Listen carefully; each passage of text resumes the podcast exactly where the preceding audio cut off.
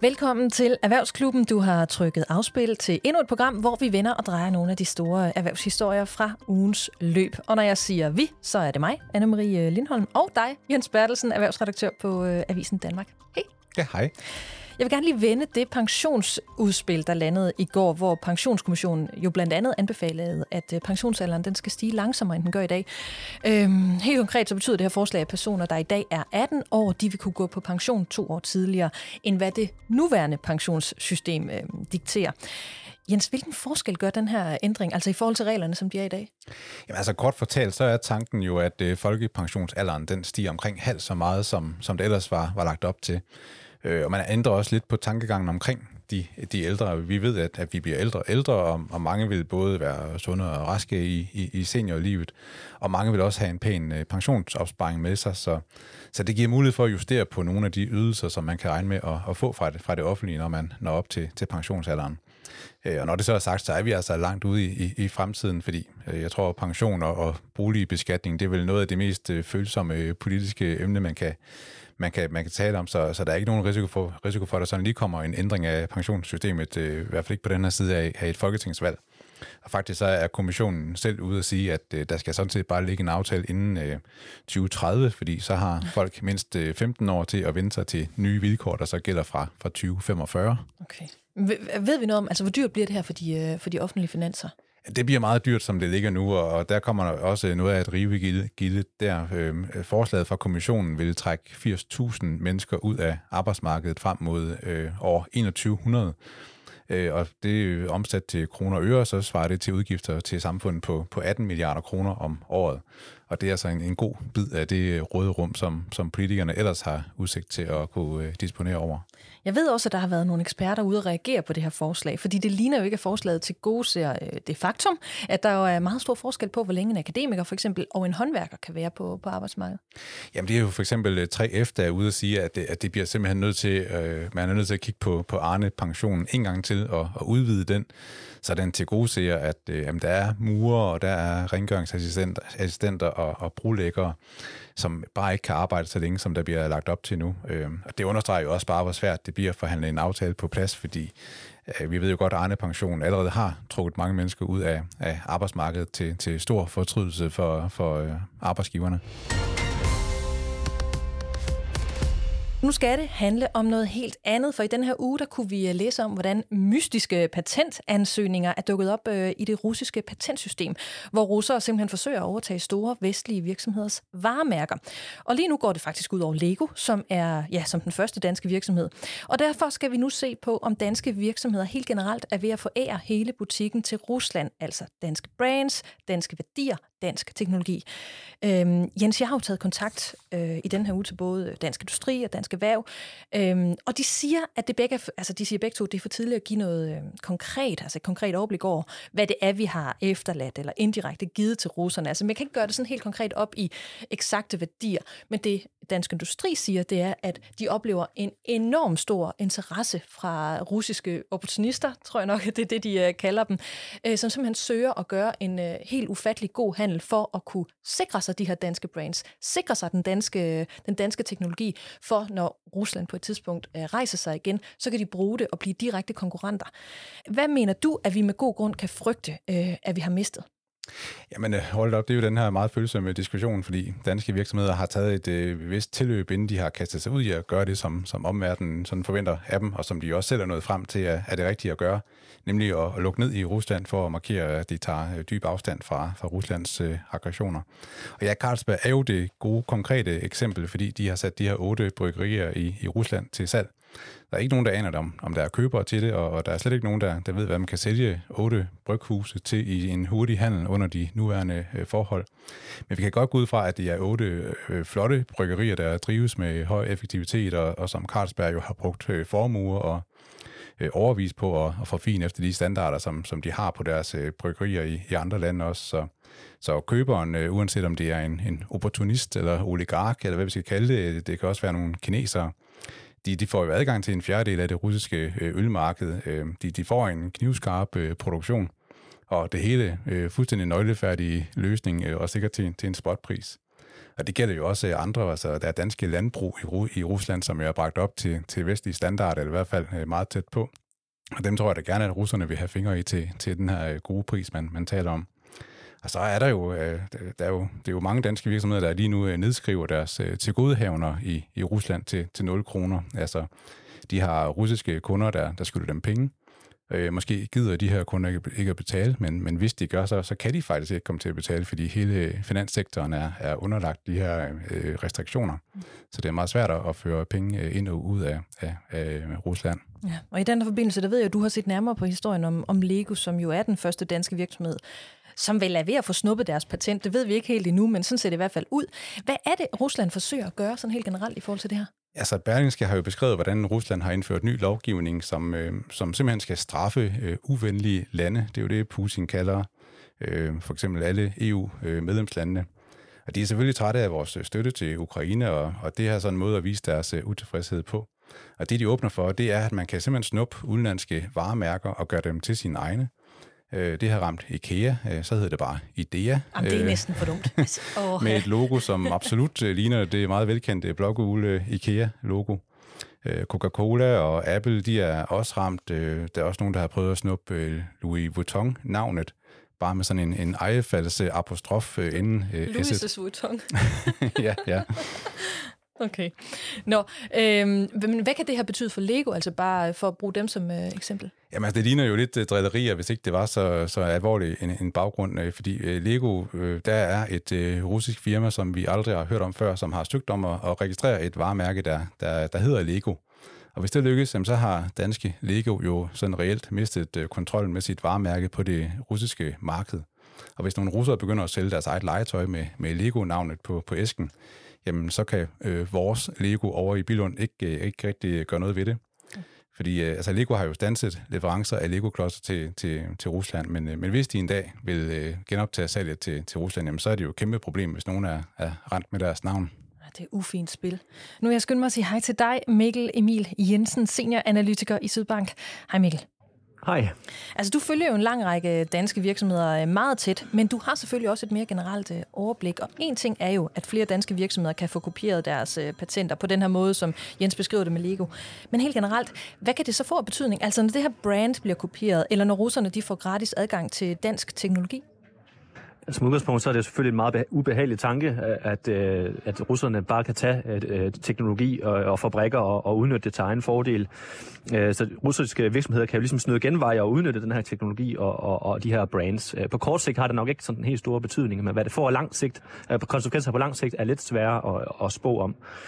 Som udgangspunkt så tror jeg så dog også, at en ting er teknologien, noget andet er så også know-howet omkring det at kunne producere de enkelte varer.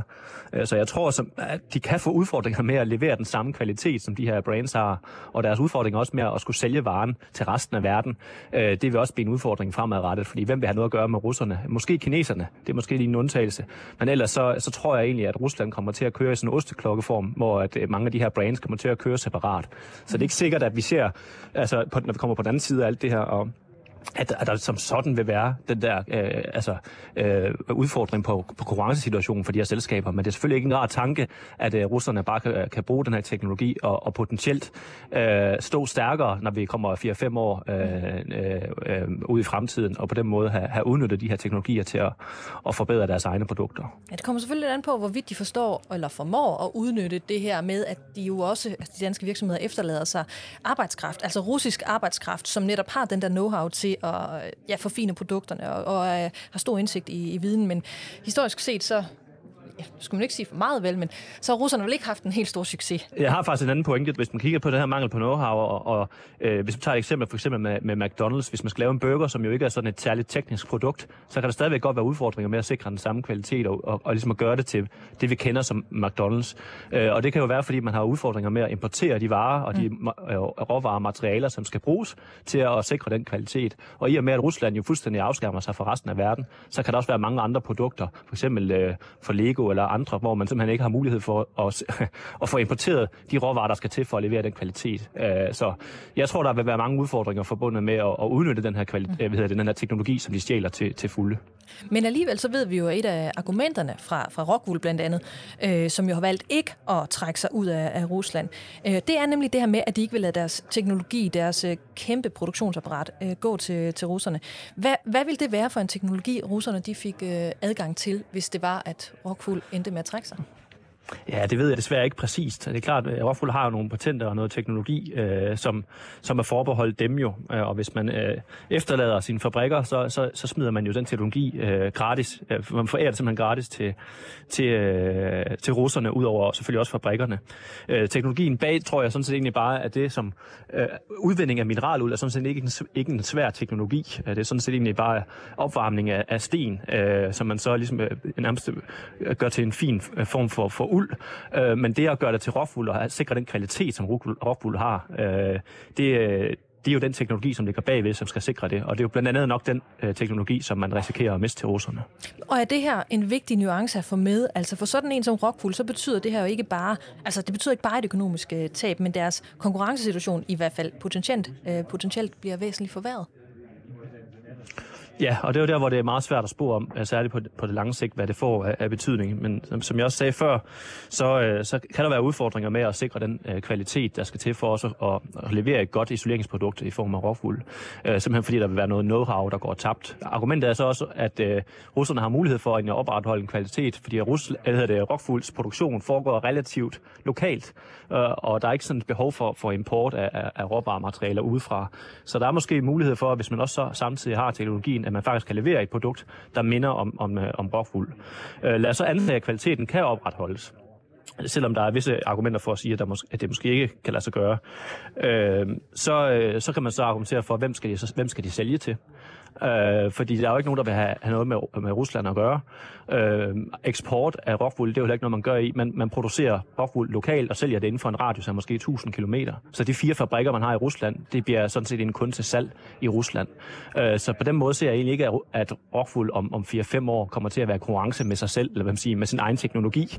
Der er så dog visse undtagelser, og det ene kan jo være, at russerne måske begynder at sælge til øh, kineserne, og man måske begynder at opføre fabrikker der, hvor man udnytter rockwools teknologi. Og det selvfølgelig en, øh, en udfordring, øh, og noget, som, som potentielt kan plage, men, men, men det vil være relativt øh, regionalt, hvis I spørger mig, og ikke øh, globalt konkurrencesituationen vil blive forværret. Men lige præcis i forhold til det kinesiske marked, så ved jeg, at det er i hvert fald altså, samme holdning øh, deler dansk industri, at det er især i forhold til det marked, at øh, de danske virksomheder de kan komme, øh, komme i klemme. Ja, Jens? Men øh, Mikkel, kan man forestille sig et scenarie, hvor Rockwool så simpelthen siger, at nu laver vi en kontrolleret nedlukning, vi skiller fabrikkerne ad. Øh, det er ikke lige den her sommer, men, men sådan vi laver en plan for det, og så, så øh, rykker vi ud af, af Rusland på den måde, fordi de godt kan se problemerne i at, at være i, i Rusland, og så har de så forhindret, at nogen kommer og snupper deres øh, teknologi. Ja, man kan sige, der, der, er, der er flere ting forbundet med at, at tage beslutninger om, hvorvidt man skal trække sig ud eller ej. En ting er jo det te- teknologien omkring det, men det at vælge at blive, der ser jeg altså væsentligt større langsigtede, potentielle langsigtede udfordringer øh, og risici, øh, hvis man vælger at, at blive. For nuværende har Rusland, eller har øh, Råfuld jo valgt at, øh, at, at blive. Øh, men øh, det er klart, at øh, hvis de ser for, kan man sige, øh, udfordringer forbundet med, at de øh, forærer øh, teknologien øh, væk til russerne, så altså, jeg, jeg, jeg, jeg tror måske, det bliver svært for dem at lukke ned, og, sådan, og, og, og, og hvis man vælger at trække sig ud, så, så, så vil der i et vis omfang være øh, et tab forbundet med den teknologi, man overleverer til russerne. Øh, og det er jo en af argumenterne for netop, at de siger, at de vil, de vil vælge at blive, for, for at, øh, at det ikke sker.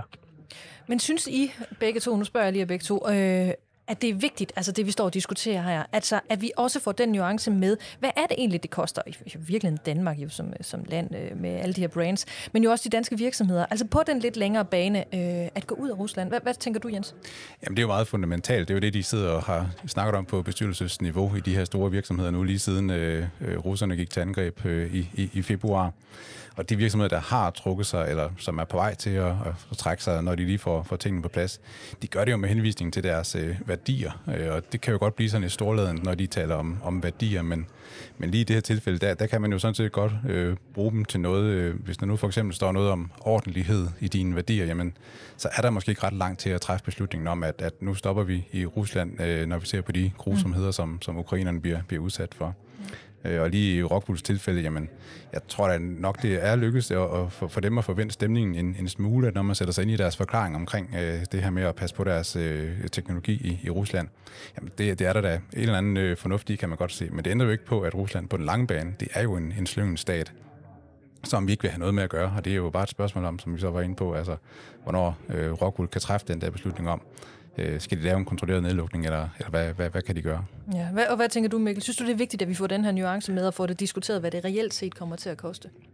Ja, men jeg er også fuldstændig enig med, med Jens. Altså, man kan sige, hvis I spørger mig, øh, så, så synes jeg, altså, der findes jo ikke nogen øh, økonomisk god beslutning her. Det er jo sådan lidt pest eller kolera, om man skal trække sig ud eller, eller blive. Der vil være økonomiske konsekvenser ved at gøre begge dele. Men der findes jo, kan man sige, en rigtig beslutning, øh, hvor det, det moralske kompas ligesom peger i den rigtige retning. Og, og det, at man vælger at blive, det kan, altså, som jeg sagde før, få potentielle langsigtede konsekvenser. Mm. Simpelthen fordi, at ens stakeholders, det kan både være ja, kunder, leverandører og samarbejdspartnere, samarbejdspartnere, politikere osv., øh, som giver, giver en masse pres øh, på selskabet på den lange bane. Og jeg vil sige, så længe at Putin han sidder for bordenden, så står man altså bare på den forkerte side af stregen. Så selv hvis krigen ender i morgen, jamen så vil der stadigvæk være øh, kritik forbundet ved at være blive i, øh, i, i Rusland. Så det er kritik, man skal stå klar til at, og ligesom at stå til mål for, hvis man vælger at, at, at blive, også selvom at krigen skulle, øh, skulle, øh, skulle, skulle stoppe i morgen. Øh, så som jeg ser det, så er der altså øh, kortsigtede konsekvenser ved at trække sig ud i form af nedskrivninger og tabt øh, omsætning. Men øh, de langsigtede konsekvenser ved at blive kan potentielt blive, øh, blive endnu større. Vi lukker ned for den her del af snakken, i hvert fald øh, for nu. Men Mikkel, du bliver lige hængende, fordi nu skal vi tale en øh, hel del om Mærsk, og så en lille bitte smule om FL Schmidt. Det er jo øh, store regnskabsuge, hvor flere af de her store i Danmark de har aflagt øh, regnskaber, og rekorden den tager Mærsk igen, har jeg lyst til at øh, sige. De har tjent mere end en halv milliard kroner om dagen i årets første tre måneder. Og derfor så er det måske heller ikke øh, så overraskende, at øh, det kvartalsregnskab, de leverede onsdag. Det er deres bedste kvartalsregnskab nogensinde. Men nu begynder det her brandvarme marked for søtransport af container jo så småt at vise tegn på afmatning. De her høje priser, de har været drevet af, at, at amerikanerne har købt stort ind af varer under coronakrisen, men nu peger så både Mærsk og flere økonomer på, at USA kan være på vej mod en recession, altså udløst af inflation og højere renter. Jens, du var jo til det her øh, pressemøde i går. Var stemningen god, eller var den afmålt? altså, det er godt ske, at der er recessionssnak og at de her øh, fragtrater nok ser ud til at falde på et tidspunkt. Men, men altså lige i går i, i Mærsk øh, hovedkvarteret på Esplanaden i, i København, der var rigtig god stemning. Øh, det er jo helt ufatteligt overskud, de har lavet, og de har jo overhalet øh, på tre måneder, hvad Novo Nordisk øh, tjente hele sidste år. Og Novo plejer ligesom at, at være dem, der tjener de store overskud herhjemme.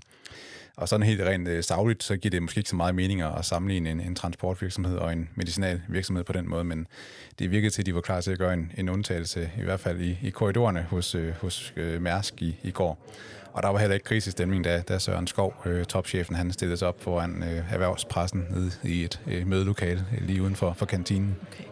Mikkel Emil Jensen, du er jo øh, heldigvis stadigvæk med os. Er du, øh, eller er vi, overrasket over, at det her kvartalsregnskab, det slår alle rekorder?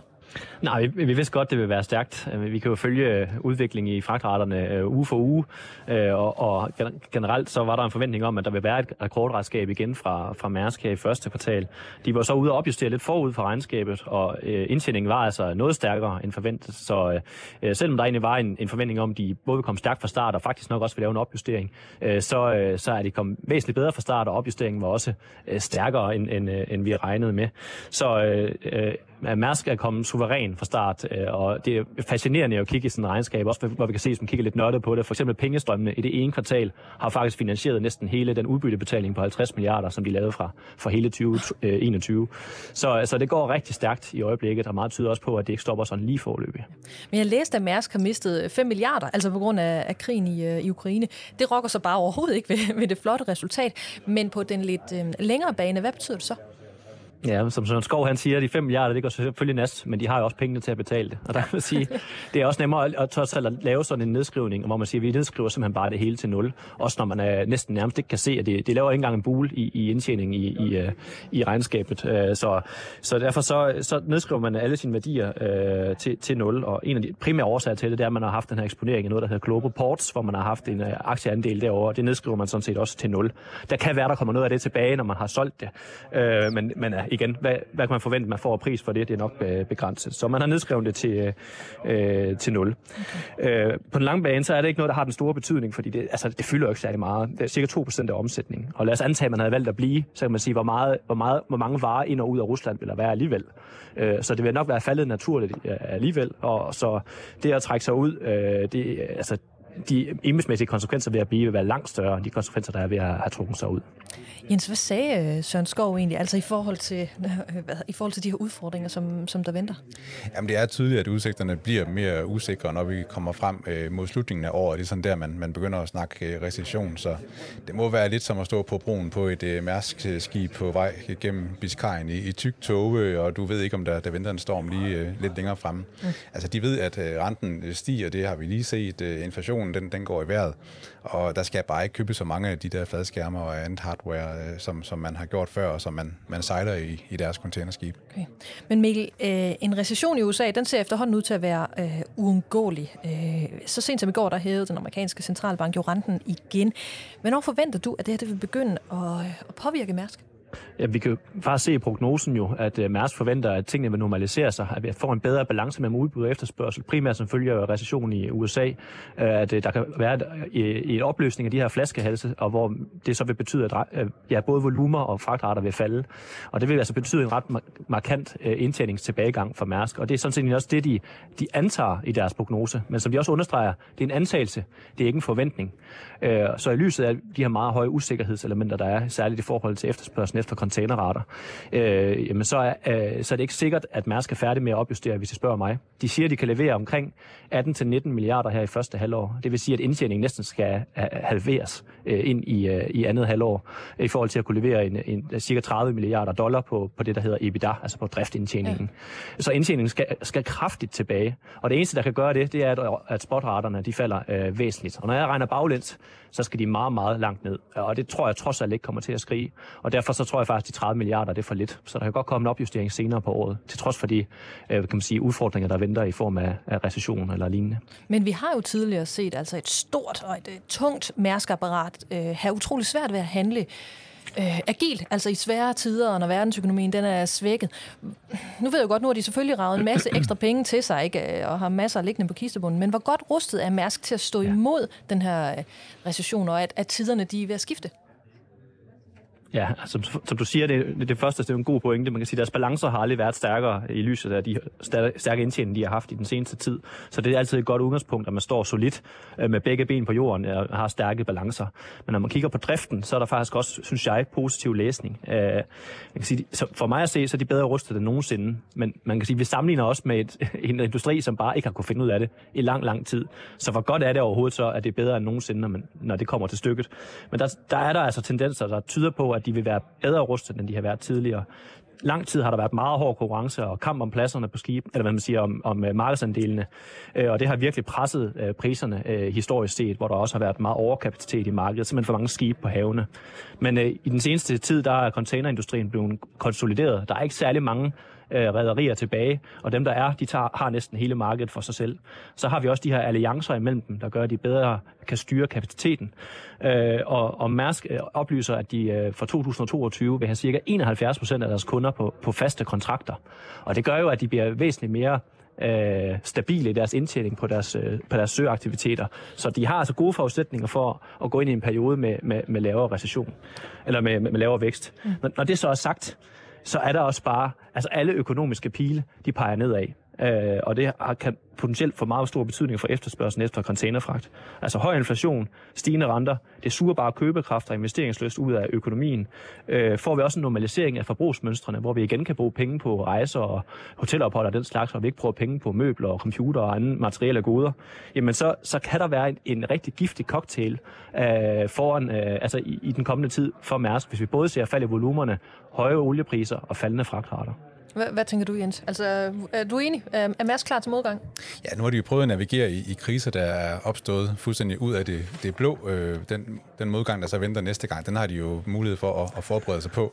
Øh, Søren Skov, han sagde, at han kunne jo nærmest gå tilbage i, i lærebøgerne tilbage fra 80'erne, for ligesom at, at lige at huske på, hvad er det, hvad er det der gælder, når der er inflation i, i samfundet, fordi det har man ikke været, været vant til. Øhm, men vi har så også lært, at man kan ikke forudsige ret meget øh, i, i de her år. Der kan, der kan komme noget helt tredje, som vi ikke har, har forudset. Så jeg er da sikker på, at Mærsk har økonomer og, og prognosemager, der arbejder på højtryk på, på at være forberedt på, på alt muligt tænkeligt og, og utænkeligt, der kan, der kan ramme deres øh, forretning. Øh, nu fik jeg vist for det lidt i, uh, lidt i begyndelsen, fordi lige her til sidst, der skal vi altså lige knytte en uh, kort bemærkning til regnskabet fra FL Schmidt, der er jo landet i dag. Uh, og Mikkel, det er jo en af dine, det er en af dem, du føler meget, meget uh, tæt. Uh, og du har lige haft en, uh, en lille stund til at kigge på det. Hvad er overskrifterne? Jamen, det er et rigtig flot regnskab. En solid start på 2022 for, for, for FS Midt. Og det, der lige springer i øjnene, det er deres ordreindgang, som er rigtig, rigtig flot. Øh, de har 1,4 milliarder for store ordre. Øh, det vidste vi sådan set egentlig godt, fordi det dem annoncerer øh, FS Midt. Men når man kigger på den underliggende udvikling, så er den væsentligt bedre end ventet. Der er meget høj aktivitet derude i, øh, i minerne, og det bidrager altså til den her meget flotte fremgang i, i ordrene, som også er bedre end ventet. Når vi også kigger på omsætning og indtjening, så overrasker de os også positivt. Og det er særligt cementdivisionen, som jo lang tid har haft det svært, som, øh, som overrasker rigtig, øh, rigtig positivt i, i, kvartalet her. Så en, en, en god start på, på 2022, og investorerne tager også positivt imod det med en, med en pæn stigning her fra morgenstunden. Altså vi taler jo tit om, at der er det her uforløste potentiale i øh, uh, FL Schmidt. Uh, vi har i hvert fald tit været inde på, at vi synes, at aktiekursen den er lige til den uh, lave, lave side, ikke? i forhold til det potentiale, der er der. Men hvor langt er vi så fra, som du ser det nu, at det her potentiale det bliver, det bliver forløst? Som udgangspunkt, så skal man passe på med at bruge et enkelt kvartal, eller faktisk lige to i, i det her tilfælde, for øh, FS kommer også ret øh, fint ud af, af 2021. Men, øh, men der kan være relativt store udsving fra kvartal til kvartal.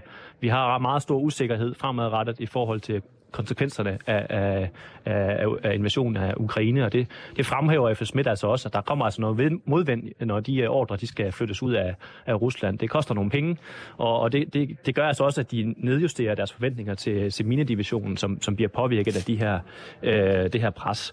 Øh, det vidste vi selvfølgelig godt, at der vil være, øh, men, men hvis vi kigger underliggende, og vi ser den her flotte ordre indgang, høj aktivitet derude, en stor efterspørgsel efter den grønne omstilling i cement, og, og, og generelt høj efterspørgsel efterspørgsel efter råvarer, øh, så er der ligesom noget, der, der ulmer under overfladen om, at, øh, at, øh, at FS Schmidt, de, de værste år måske bag dem, og der kan være nogle rigtig gode år fremadrettet. Særligt i mine-divisionen, og på lidt længere sigt i cementdivisionen. Så jeg er stadigvæk meget positiv på, på, på FS Schmidt, som er en aktie, som stadigvæk handler billigt, og hvor man egentlig ikke indregner det potentiale, der er fremadrettet. Det kræver selvfølgelig også, at ThyssenKrupp kommer til at gå godt. Dem har man jo opkøbt, mm. og dem starter man på at integrere her i, i andet halvår 2022. Og lykkes de med det, jamen så er der stadigvæk rigtig stor potentiale i aktien. Men hvor mange regnskaber, altså gode regnskaber, vil du se, før du, øh, du tænker, så nu, nu er vi ved at være der?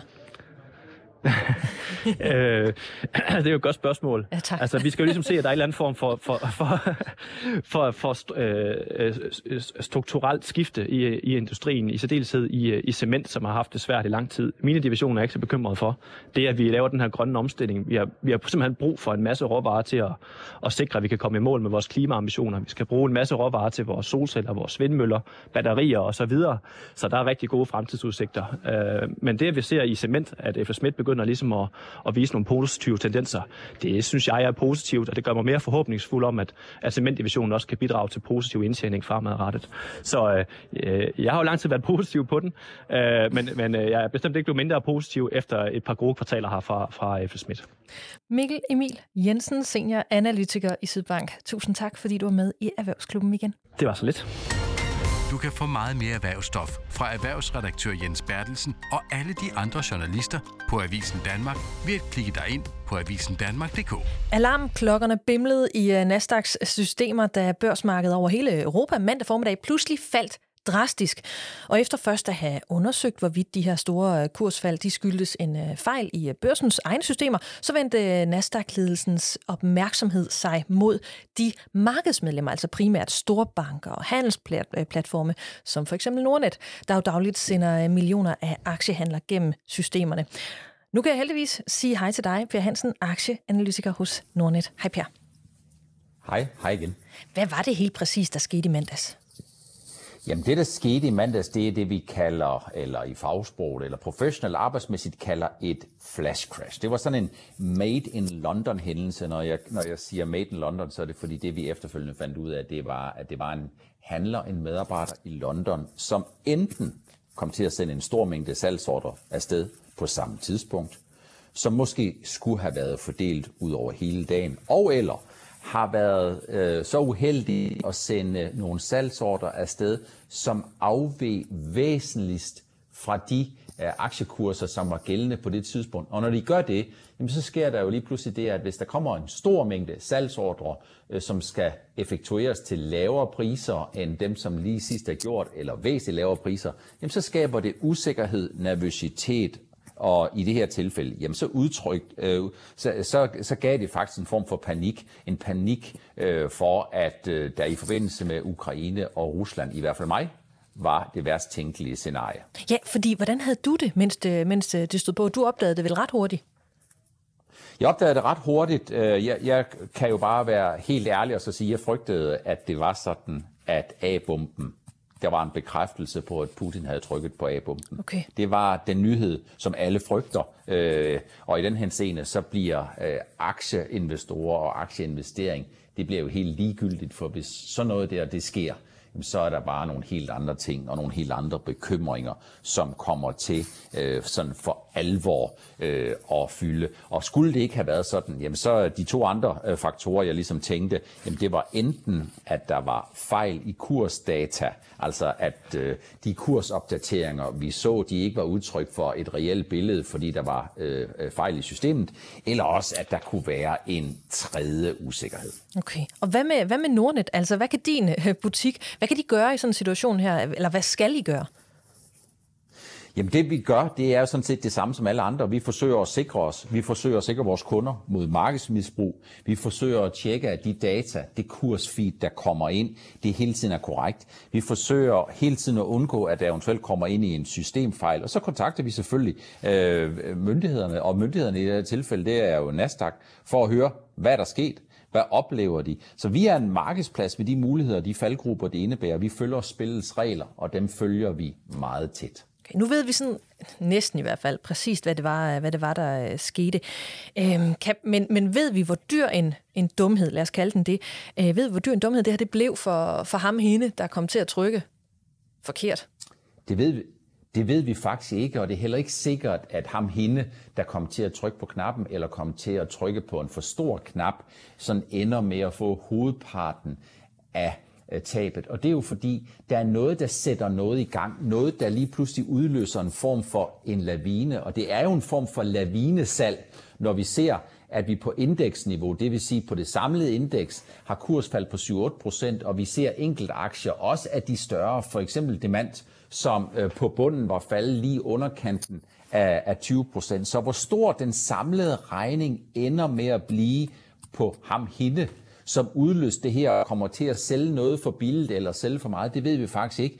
Fordi der er rigtig mange, der bærer den samlede regning af, de her, af, af det her, fordi der er nogen, der sælger, så er der nogen, der sælger med, men på den anden side, så er der jo også nogen, der tjener på det, for der er nogen, der køber de positioner på lavere priser, som andre de sælger. Ja, er, men er der noget som helst i det her, hvor I kan se, altså i forhold til investorerne, hvor mange der har tabt penge på den her begivenhed? Jeg tænker, der er jo ret mange, der har, der har man kan jo blandt andet sætte sådan nogle grænser, ikke også for, hvor lavt vil man gå ned, øh, når en kurs dropper, øh, før, man så, altså, før systemet sælger øh, aktierne af sig selv.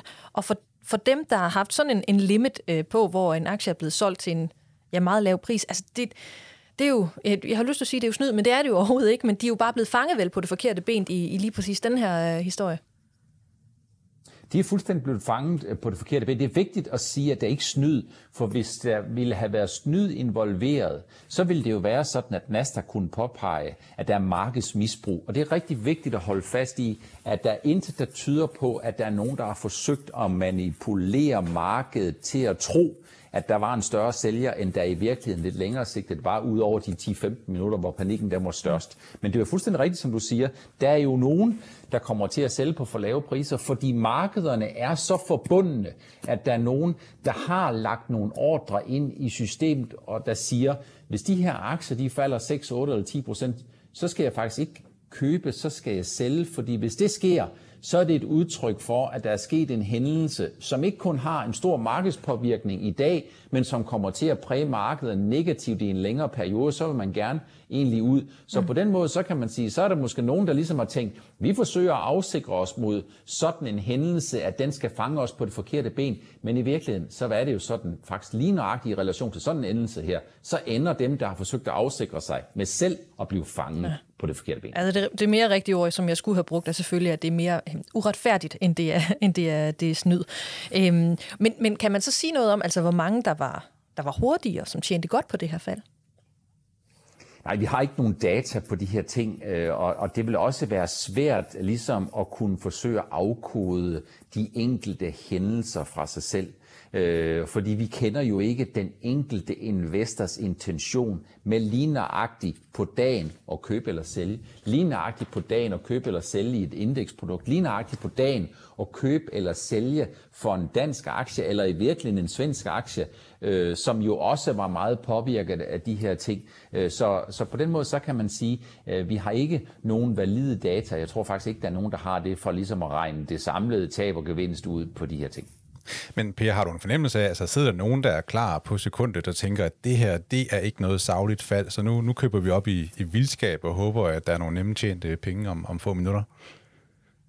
Ja, det tror jeg ikke, der er tvivl om, men det er, jo, det er jo spillet, det er jo the name of the game, og det er jo der, hvor de tager en risiko, fordi øh, hvis det skulle være sådan, at der var trykket på A-bomben, øh, jamen så kan det jo godt være, at 5% det synes er meget, men så vil de 5% formentlig blive fuldt af en yderligere chok-effekt på øh, yderligere af samme størrelsesorden, 5-10% yderligere ned.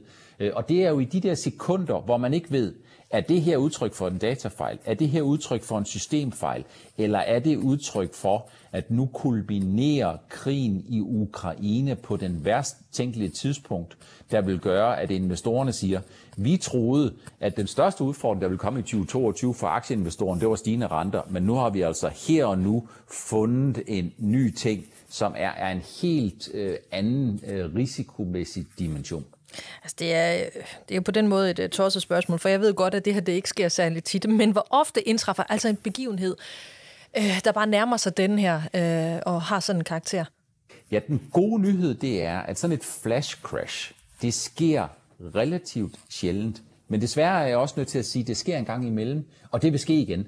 Og når det øh, vil det, så er det fordi, at det er menneskeligt at fejle, og så er det fordi, man kan ikke sætte nogle øh, begrænsninger ind på handlen, for eksempel på et 5% udsving på indeksniveau, som jo kan betyde 10 eller 15% på, på enkeltaktieniveau. Og når man ikke kan det, så er det fordi, hvis man gør det, så sætter man den absolut største styrke ved aktiemarkedet ud af spil, nemlig det, som kendetegner aktiemarkedet fra en række andre ting. Den risiko, den turbulens, den nervøsitet, der er for nogle forskellige hændelser, rentestigninger, krigen i Ukraine eller alle mulige andre ting, den bliver lynhurtigt presset ud af systemet, for aktiemarkedet, det giver sig, det er en risikopræmie, som, udfører, som opfører sig øh, helt absurd i sådan nogle perioder, men det gør, at man får presset den nervøsitet ud af aktiemarkedet. Og hvis I tænker øh, på en panggang til det, så kan I tænke tilbage til nedlukningen covid-corona i 2020. Vi lider stadigvæk, økonomien lider stadigvæk under covid-19 øh, udfordringerne, men på to-tre uger, der faldt aktiemarkederne med 30-40% på indeksniveau, og man fik presset hele risikoen ud, og så startede man forfra igen. ja. Nå, øh, men i forbindelse med det her flash crash, må ikke, der er nogen, der står til at give øh, kvejebajer fredag, når, når weekenden den står for døren? Jeg ved ikke, om der i London bliver givet kvejebajer, men man kunne godt forestille sig, at det ikke nødvendigvis er alle, som stadigvæk her nogle dage efter har den samme øh, det samme ansættelsesforhold, som de tidligere har Det kan godt være. Per Hansen, aktieanalytiker hos Nordnet. Tusind tak, fordi du igen var med i øh, Erhvervsklubben. Tak fordi jeg måtte være med. Det er som sædvanligt en fornøjelse. Vi skal til at runde Erhvervsklubben af, men inden vi gør det, så vil jeg gerne lige tale kort om en historie, som vi har haft i den her uge på Avisen Danmark, hvor øh, vores to kollegaer, Sarah Beck og Tommy Byrne, de fandt øh, tal på, hvor mange byggerier, der er blevet bremset efter krigen i øh, Ukraine opstod. Og lige nu der ser det ud til, at det er godt en tredjedel af nybyggerierne, der faktisk er blevet øh, bremset. Jens, øh, hvorfor er det, vi allerede er her? Jamen det er altså også virkelig surt for dem, der havde alting på plads til at få bygget deres øh, drømmehus, og så, så får de opkald fra, fra håndværkeren eller fra banken om, at, at nu kan det altså ikke lade sig gøre alligevel. Øh, håndværkerne var jo i forvejen ramt af, af mangel på, på arbejdskraft, øh, og nu har krigen i Ukraine så skubbet ekstra til, til priserne på masser af materialer. Øh, både træ, hvor meget kommer fra Ukraine, øh, også stål, hvor, hvor russisk stål er, er sanktioneret og har skudt priserne i vejret, så, så priserne er høje, men det kan også være, at man slet ikke kan, kan skaffe det. Så der er en, en fjerdedel af entreprenørerne, de, øh, tilbage i februar, der talte de om, at de manglede materialer i et omfang, der forsinkede deres byggerier. Og så i april, der var det altså halvdelen, øh, det dobbelte af entreprenørerne, der, der oplevede det samme. Og det undskyld. Ja, fordi øh, man kan også øh, tage bankerne, fordi de, de holder jo også øje med, at nu har vi stigende renter, og, og folk har pludselig ikke råd til at bo i de huse, de ellers har fået godkendt til, til at, at, at bygge. Øh, og, og udsigten til høje energipriser på den lange bane er jo også med til at, at påvirke de, de budgetter, som man ellers har, har siddet og kigget på. Ja, det, det betyder jo selvfølgelig, altså som du er inde på, der er en række danskere, der simpelthen må se langt efter at få deres boligdrømme opfyldt. En ting er, at de gik og drømte, men der var mange af dem, der sådan set har haft helt konkrete planer om at gå i gang med at bygge, som så får, får nej. Men på den lidt øh, længere bane, øh, men på den lidt længere bane, hvor galt kan det her så gå? Ja, altså, den her overophedede byggebranche, vi har talt om i rigtig lang tid, det kunne godt tyde på, at det snart bliver et overstået kapitel, fordi altså, hvor man ser, at håndværkerne bliver mere sultne og tilgængelige efter øh, øh, opgaver. Øh, dels fordi nye byggerier bliver aflyst eller, eller udskudt, men øh, også fordi salget af, af eksisterende boliger ser ud til at, at, at falde. Øh, der er i hvert fald et fald i antallet af fremvisninger lige nu af, af, af ejendommen, og det er sådan en god indikator på, hvor mange mm. hushandler der kommer til at, at ske. Og hushandler giver også normalt opgaver til, til håndværkerne, fordi der altid lige er et køkken eller et tag, der skal fikses. Meget tyder på, at vi ser ind i en helt anden tid. Det kunne godt tyde på det, ja. Det var alt fra Erhvervsklubben i øh, den her uge. Jens Bertelsen, erhvervsredaktør på Avisen Danmark. Tak for endnu en god uge. Ja, selv tak. Og til dig, der lytter med. Vi høres ved igen på torsdag.